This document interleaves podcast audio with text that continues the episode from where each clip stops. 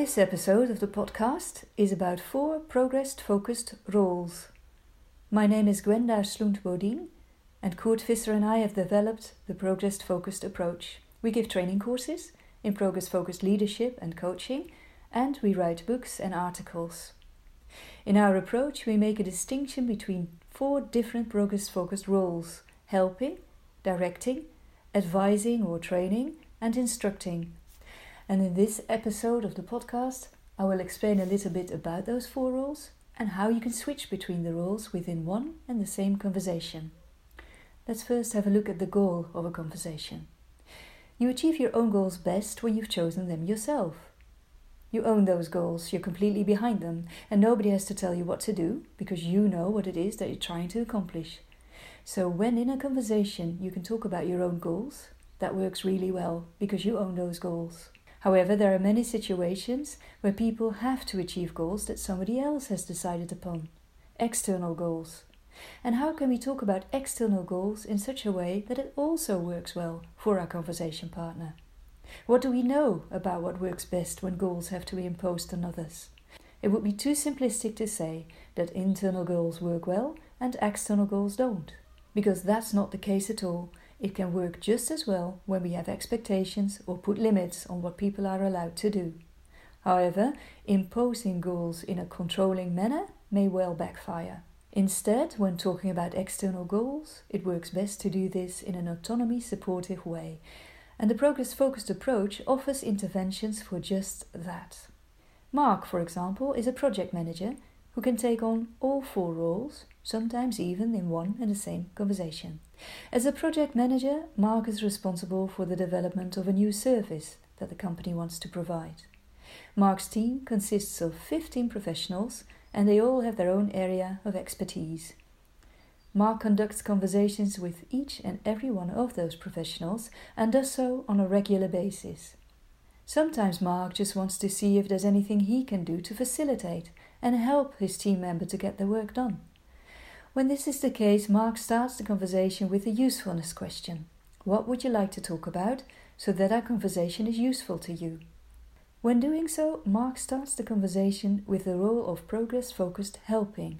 With the question, the usefulness question, his conversation partner is allowed to decide upon the goal of the conversation, and Mark doesn't interfere with this. But at other times, Mark has a clear idea regarding what his conversation partner has to achieve. For example, there's a deadline, or there are quality standards that a team member has to adhere to.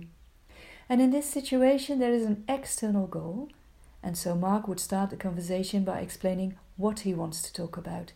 He would start with the role of progress focused directing. There's an external goal that his conversation partner has to achieve, and Mark, in his position as leader, is allowed to talk about this goal and impose this goal on his conversation partner.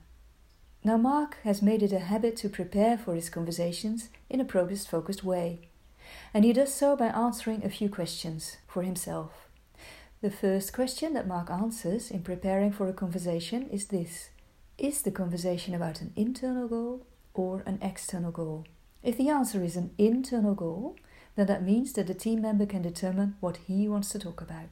If the answer is an external goal, then that means that Mark determines what the topic of conversation is going to be, at least at the start. So, one dimension we use to distinguish between the four different progress focus roles is whose goal are we talking about? The second dimension is where do the ideas for progress come from? If Mark has no ideas about what the team member can do to make progress, and the team member is free to decide for himself what he wants to do, we call this internal solutions. However, when Mark has an idea about which actions the team member can or must undertake to make progress, then we call this external solutions. So, matching the two different goals with the two different finding places for solutions provide us with four different roles helping, directing, advising or training, and instructing. So, let's give an example of the four different roles in one and the same conversation. Mark has prepared for a conversation with Ellie. He wants to talk with her because she needs to finish his report by the end of the week. He wants to explain to her what it is that she needs to achieve, However, it's up to her how she wants to achieve what's expected of her. So, this part of the conversation is about an external goal and internal solutions. Progress focused directing. Mark starts the conversation as follows Ellie, I'd like to talk with you about finishing your report by the end of the week. It's important that our board of directors receives your report by Friday so that they can take your recommendations into account in their marketing and communication strategy. An effective marketing and communication strategy regarding our new service is essential for launching our new service successfully. So I wanted to talk to you about this and ask you how can you get it done by the end of this week? In this bit of the conversation, Mark takes on the role of progress focused directing, external goal, internal solutions. Suppose Ellie responds by saying, Ah, by the end of this week, I thought I had till the end of next week. The board always needs more time to deal with things, so I assumed it would be okay to leave it to next week.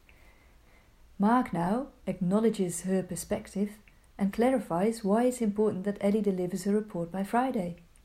And now it begins to dawn on Ellie that she has got a lot of work to do.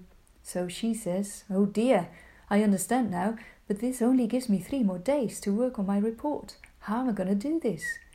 Can you help me prioritize? Mark is happy to help Ellie prioritize her work, so he steps into the role of progress focused helping. His goal and her goal are now the same. They both want her to finish her report by Friday, and they both want her to find solutions that work for her to get it done. So Mark starts asking her questions, which help Ellie to get an overview, and then she formulates her own solutions.